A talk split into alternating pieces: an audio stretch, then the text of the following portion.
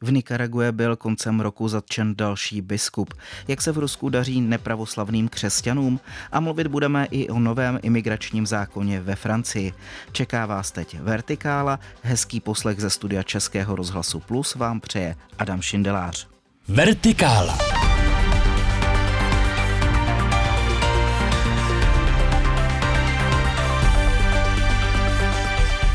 Papež František při novoročním ši vyzdvihnul roli žen a matek. Historik Tomáš Petráček podal žalobu na neplatnost výpovědi z Katolické teologické fakulty Univerzity Karlovy a začala tříkrálová sbírka. Události prvních dnů letošního roku mapovala Naděžda Hávová. Hezký den. Dobrý den. Papež František při novoročním ši vyzdvihl důležitou roli žen a matek v církvi i ve společnosti. Svět k něm podle něj potřebuje vzhlížet, aby našel mír a vymanil se ze spirály násilí a nenávisti. Ano, je to tak a jenom připomenu, že katolická církev si 1. ledna, kromě liturgické slavnosti Matky Boží Pany Marie, připomíná i Světový den míru. Papež František doslova řekl, že naše doba bez míru potřebuje matku, která znovu sjednotí lidskou rodinu a také zdůraznil, že každá společnost by měla ženy respektovat, měla by je opatrovat a měla by si jich vážit. Samotná katolická církev podle něj potřebuje znovu objevit svou vlastní ženskou tvář. Kdo zraňuje jedinou ženu, znesvěcuje Boha, který se narodil z ženy. I to zaznělo ve vatikánské svatopetrské bazilice, do které na nový rok přišlo na 7 tisíc věřících. Historik Tomáš Petráček podal poslední den uplynulého roku žalobu na neplatnost výpovědi z Katolické teologické fakulty Univerzity Karlovy, rozšířenou o další body. O jaké? Uvedl, že musí žalovat univerzitu, i když se vůči němu ničeho nedopustila. Spor potom povede fakulta. Podle něj proděkan fakulty Jakub Jinek a advokát Kříž šířili nepravdy dovnitř fakulty na zasedáních akademického senátu a také v médiích. Profesor Petráček dříve veřejně kritizoval konzervativní konzervativní alianci pro rodinu. Vystupoval také smířlivě k manželství pro všechny. Jenom připomenu, že kněz a církevní historik Tomáš Petráček vedl ve škole doktorandy a podle vedení fakulty dostal výpověď kvůli úsporným důvodům. V Sedlecké katedrále v Kutné hoře se uskutečnila zádušní mše za Karla Schwarzenberka. A sloužil je pomocný biskup Králové hradecký Josef Kajinek s kněžími z Kutné hory a okolí. Vzpomínkové bohoslužby se zúčastnili i členové rodiny a veřejnost. Kutnou horu měl bývalý ministr zahraničí, poslanec, senátor, hradní kancléř Václava Havla a také příslušník jednoho z nejstarších evropských šlechtických rodů, prý moc rád. Pomáhal spravovat tamní vinařství. Další mše ta se bude konat hned v úterý 9. ledna v rakouském Murau a potom ve čtvrtek a to bude v německém městě Schwarzenberg a v pondělí 1. ledna začalo koledování tří králů. Desetitisíce dobrovolníků se vydávají v těchto dnech do ulic, obcí a měst, aby předávali radost a požehnání a vykoledovali peníze pro potřebné. Na tři krále můžete po celé České republice narazit ještě do následující neděle, ale pro bezhotovostní dary bude sbírka otevřená po celý rok. Tak i to nám připomněla Naděžda Hávová. Hezký den. Hezký den. Úřad Vysokého komisaře OSN pro lidská práva ve Střední Americe a Karibiku před koncem roku odsoudil vynucené zmizení katolického biskupa Izidora Mory v Nikaraguji, kterého bez bližšího vysvětlení zatkla nikaragujská policie ve středu 20. prosince. Situaci v Nikarague sledujeme dlouhodobě s naším spolupracovníkem Františkem Kalendou. Dobrý den. Den. Víme, za jakých okolností byl biskup Mura zatčen? Eh, no, úplně přesně nevíme, z jakých okolností byl přímo zatčen, ale víme, že se to stalo den poté, co ve svém kázání velmi krátce zmínil zatčeného biskupa Rolanda Alvareze, který byl odsouzen k 26 letům ve vězení a Eh, on vlastně řekl jenom prostě to, že by se za něj a za jeho zdraví měli věřící modlit. A druhý den k němu přišla policie a on byl tedy v úvozovkách zmizen, pravděpodobně někde zavřený, ale nikdo přesně neví, co se s ním stalo. Hm. Můžeme připomenout, eh, kdo je Izidor Mora?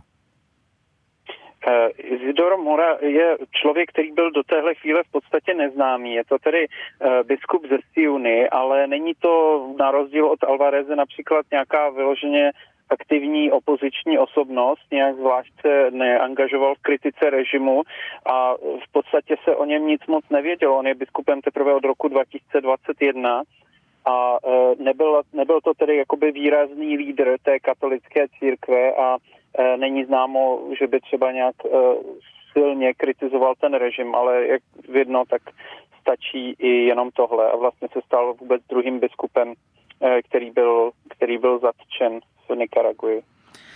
Jak jsem řekl, tak vynucené zmizení odsoudila OSN. Může nějak OSN Morovi pomoci? Eh, no to asi nemůže. Jediné, co může dělat, je to, že na, to, eh, na tu situaci bude dále upozorňovat, stejně jako na ní upozorňuje a kritizuje ji velice tvrdě papež František, stejně jako další lidskoprávní organizace, ať už eh, v Nikaraguji nebo v zahraničí ale do režimu Daniela Ortegy v tuhle chvíli nemůže OSN nějak zasáhnout, stejně jako nemůže zasáhnout nějak do toho, do co se děje na Ukrajině nebo do války Izraele s Gazou, tak je to spíš symbolická záležitost. Hm.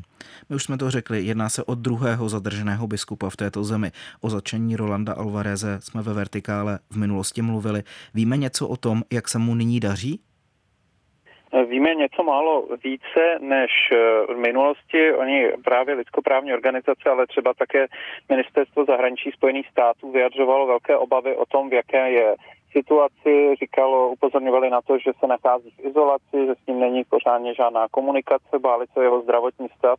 A tak uh, Nicaragua vlastně eh, vládní média eh, zveřejnila desítky fotografií a nějaká videa, na kterých tedy se zdá, že se mu daří celkem dobře. Tvrdí, že ho navštěvují příbuzní pravidelně a že eh, dostává balíčky s jídlem a že prostě je jako v dobrém stavu, ale samozřejmě to je něco, co není možné nějak ověřit. Je to v podstatě taková odpověď toho režimu na tu kritiku a obavy o zdravotní stav biskupa Alvareze. A jak se k té vládě Daniela Ortegy nyní staví veřejnost? Jak má velkou podporu a je nějaká šance, že Ortegu v dohledné době třeba někdo vystřídá? Eh, no, Nicaragua je diktatura, čím dál tvrdší diktatura, takže eh, to je samozřejmě místo, na kterém se nějaké průzkumy veřejného mínění dělají těžko a bývají ne, úplně 100% důvěryhodné, ale i tak máme třeba z roku 2023 průzkum Galupu, eh, který ukazuje, že 63% Nikaragujců v tomhle průzkumu není spokojeno s tím, jakým směrem se ta země vyvíjí, takže i v takhle vlastně kontrolovaném prostředí plném plné velkých obav eh, ze státních eh, bezpečnostních aparátů se velká část obyvatel vyjadřuje proti tomu současnému režimu. Eh, no ale v tuhle chvíli ta represe je taková, že Ortegu z největší pravděpodobností nahradí jeho manželka. Ono se tvrdí, že eh, která je sama viceprezidentkou Rosaria Murillo a o té se vlastně říká, že už nějakou dobu vládne, že Ortegu psychický stav není v úplně nejlepší kondici a že ve skutečnosti už za něj nějakou dobu vládne manželka. To je tedy opravdu brutálně nenakloněná katolické církvi. Teď od nedávno ní například let říkala, že to je ďábelská organizace. Situaci v Nikaraguji sledujeme ve Vertikále společně dlouhodobě s Františkem Kalendou. Díky a přeju hezký den. Děkuji, hezký den a naslyšenou. Posloucháte Vertikálu. Aktuality, reportáže a rozhovory z duchovního světa, doplněné debatou o věcech mezi nebem a zemí. Poslechnout si je můžete také na webu plus.rozhlas.cz, v aplikaci Můj rozhlas a v dalších podcastových aplikacích. V současném Rusku žijí asi 3 miliony protestantů a zhruba 600 tisíc katolíků. Už v roce 2022 vrcholnému kléru všech konfesí úřady doporučili, aby podpořili vpád Ruska na Ukrajinu. Mnozí z kněží na tento požadavek odpověděli tak, že ve svých farnostech jakékoliv debaty na politická témata zakázali. Více teď už ve vertikále s Liborem Dvořákem. Dobrý den, Libore. Dobrý den, ale dáme vám i všem našim posluchačům. Jaké je místo těchto dvou církví, eh, jež běžně považujeme za západní v ruském náboženském životě? No tak oni tam samozřejmě fungují a protože na základě ruské ústavy a příslušného zákonodárství mají plné právo na plnokrevný, řekl bych, náboženský život. Jinak ovšem samozřejmě, protože jsou to církve křesťanské a to jest mohou být považovány za konkurenční vůči ruskému pravoslaví, tak bych řekl, jak to tak znám za celý život, že se k ním řada lidí chová dosti opatrně. Eh, právě proto hm, také si jich začali úřad všímat, úřady všímat teď, eh, když tedy propukla ta válka, která tak nesmí být nazývána. Jinak bychom možná mohli připomenout, že ti protestanti, kteří tam jsou, žijí zejména v Povolží, kde je významné osídlení povolských Němců, ale existuje třeba také sibirská, eh, sibirská protestantská církev.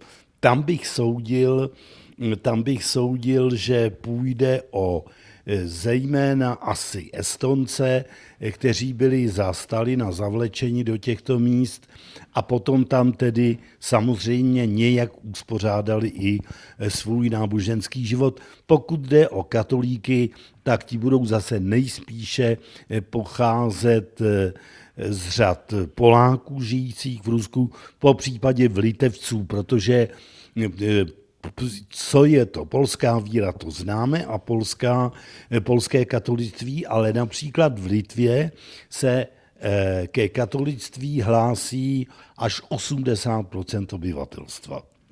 Jak se projevilo konkrétní nařízení podpořit v těchto náboženských konfesích válku na Ukrajině?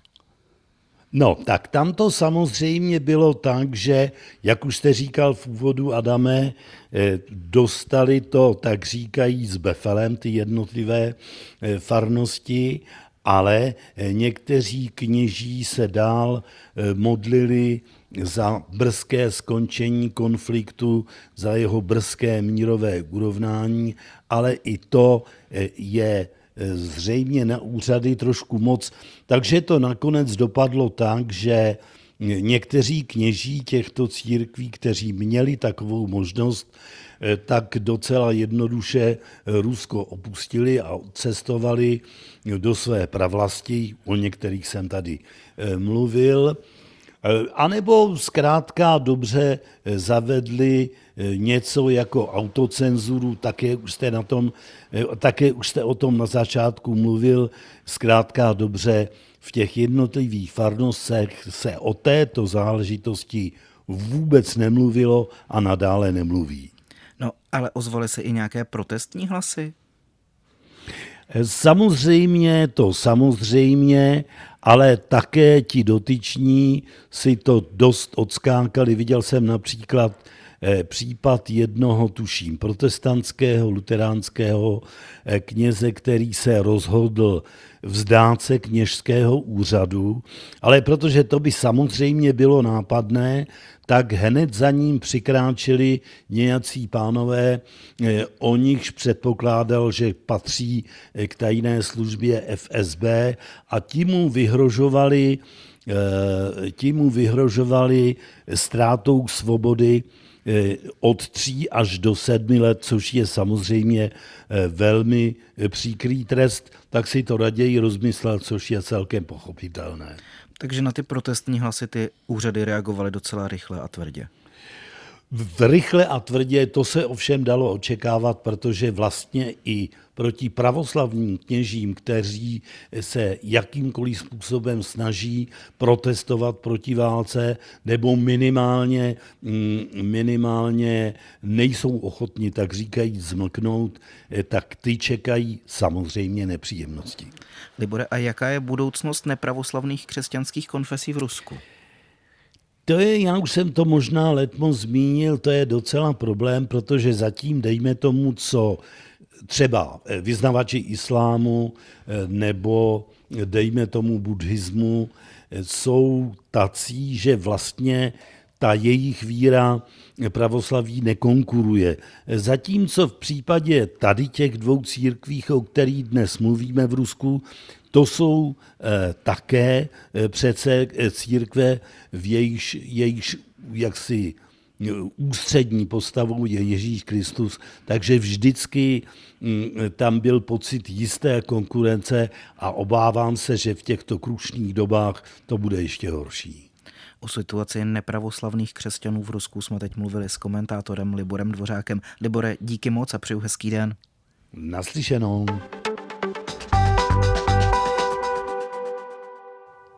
Na konci roku rozhýbalo francouzskou nejen politickou scénu přijetí nového imigračního zákona. Podrobnosti a o co přesně šlo ví naše spolupracovnice Marie Síkorová. Dobrý den. Dobrý den. Ano, ještě před Vánoci došlo k přijetí návrhu nového imigračního zákona, který předložila vláda Elizabeth Born a pak jeho hlavní obhajovatel ministr vnitra Gerald Darmanin. Poté, co byl velmi kritizovaný, zejména levicovou opozicí, nejprve prošel tento zákon většinově pravicovým senátem, následně prošel i národním schromážděním, kde pro něj hlasovalo 349 poslankyň a poslanců a proti bylo 186. Ten zákon nebo návrh zákona má zpřísnit zejména přístup k sociálním dávkám a podle francouzských médií třeba deníku Le Monde to může mít dopad na zejména chudé rodiny a třeba ženy samoživitelky.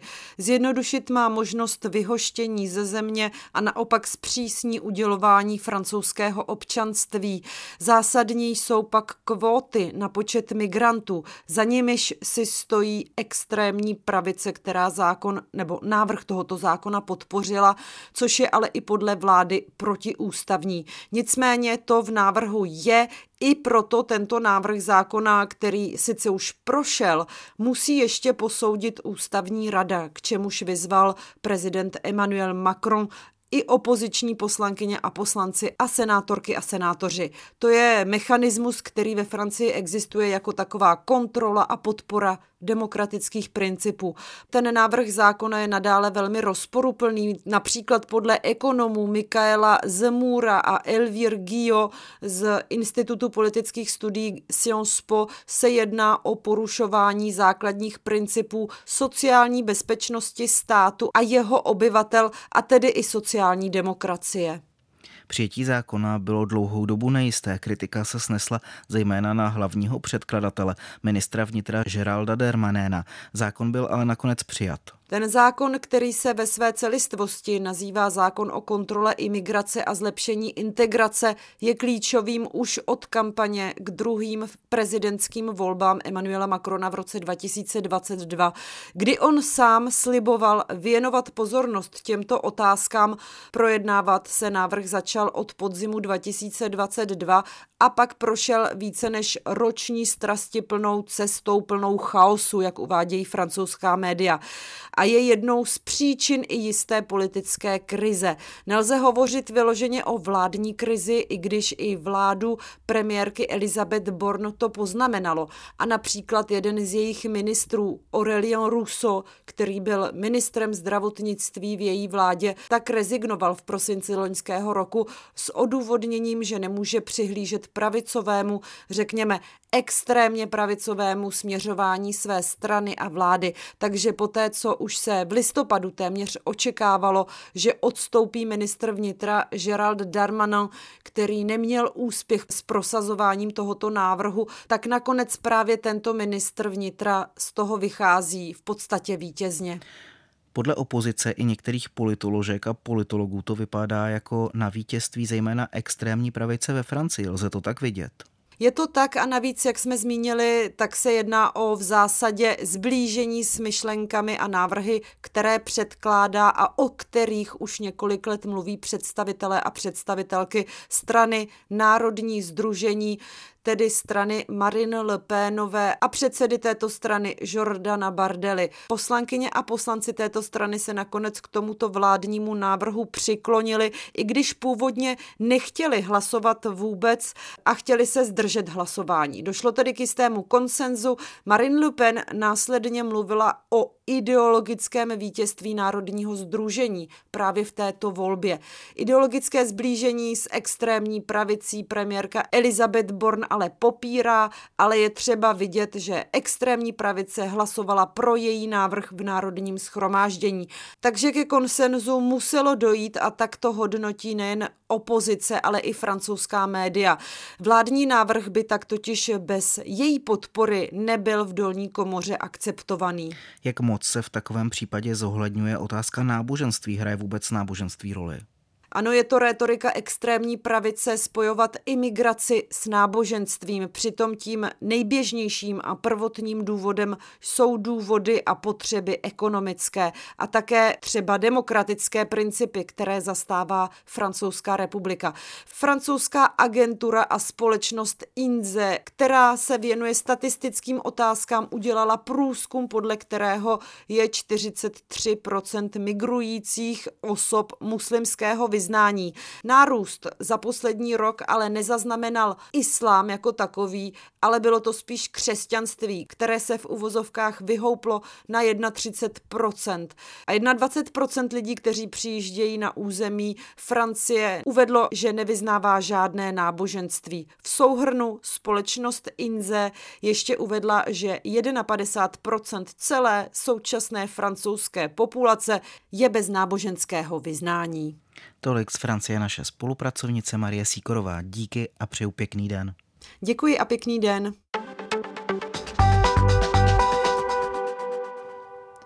odpuštění blízké osobě, zážitek jednoty i houpání na vlnách moře. I takové můžou být nejvýraznější duchovní zážitky uplynulého roku. Martina Pouchlá oslovila několik osobností duchovních i lajků, aby se o své zážitky přítomnosti Boha podělili. Pro husickou farářku Anu Štěpánkovou byl největším duchovním zážitkem bohoslužba za záchranu Ždánického lesa. Ta bohoslužba proběhla u studánky Bezdinka a opravdu to bylo výjimečné. Byl tam katolický farář, husický, můj kolega ještě z Hovorán plus já a evangelický farář. Zpíval u toho i krojovaný mužský sbor ale on zpíval čistě takové ty lidové písně, ale možná právě proto, že to nebyly duchovní písně, že to bylo v chrámu přírody, v tom nejkrásnějším božím chrámu.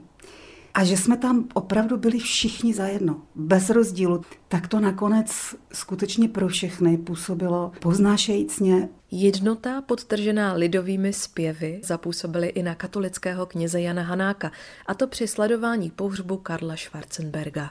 Seděl tam Dominik Duka, seděl tam Jan Graubner, seděl tam Tomáš Halík, seděl tam Laďa Herián, a ono to nějak šlo v té chvíli. Když Laďa Herián ke konci mši svaté stál na trakví Karla Schwarzenberka s kytarou začal zpívat moravskou lidovou, která úplně jasným hlasem se nesla celou tou katedrálou s těmi prezidenty a korunovanými hlavami a tak dál. Jsem se prostě neudržel a začal jsem brečet u toho Katolický kněz Jan Krbec vzpomíná na zdánlivě obyčejnou věc, na splývání v moři. Se ve znamení kříže položit na vodu a užívat si ten pocit, že jsem unášen neznámo kam a že jsem v boží náruči. V drobnostech vidí duchovní bohatství také Lucie, máma tří malých dětí. Je krásné, že když večer spolu modlíme se a děkujeme pánu, tak oni z těch malých maličkostí a jednotlivostí vlastně ve mně utvoří takový pocit obrovské nádhery, obrovského duchovního prožitku a zážitku. Děti tak učí vidět svět novými perspektivami.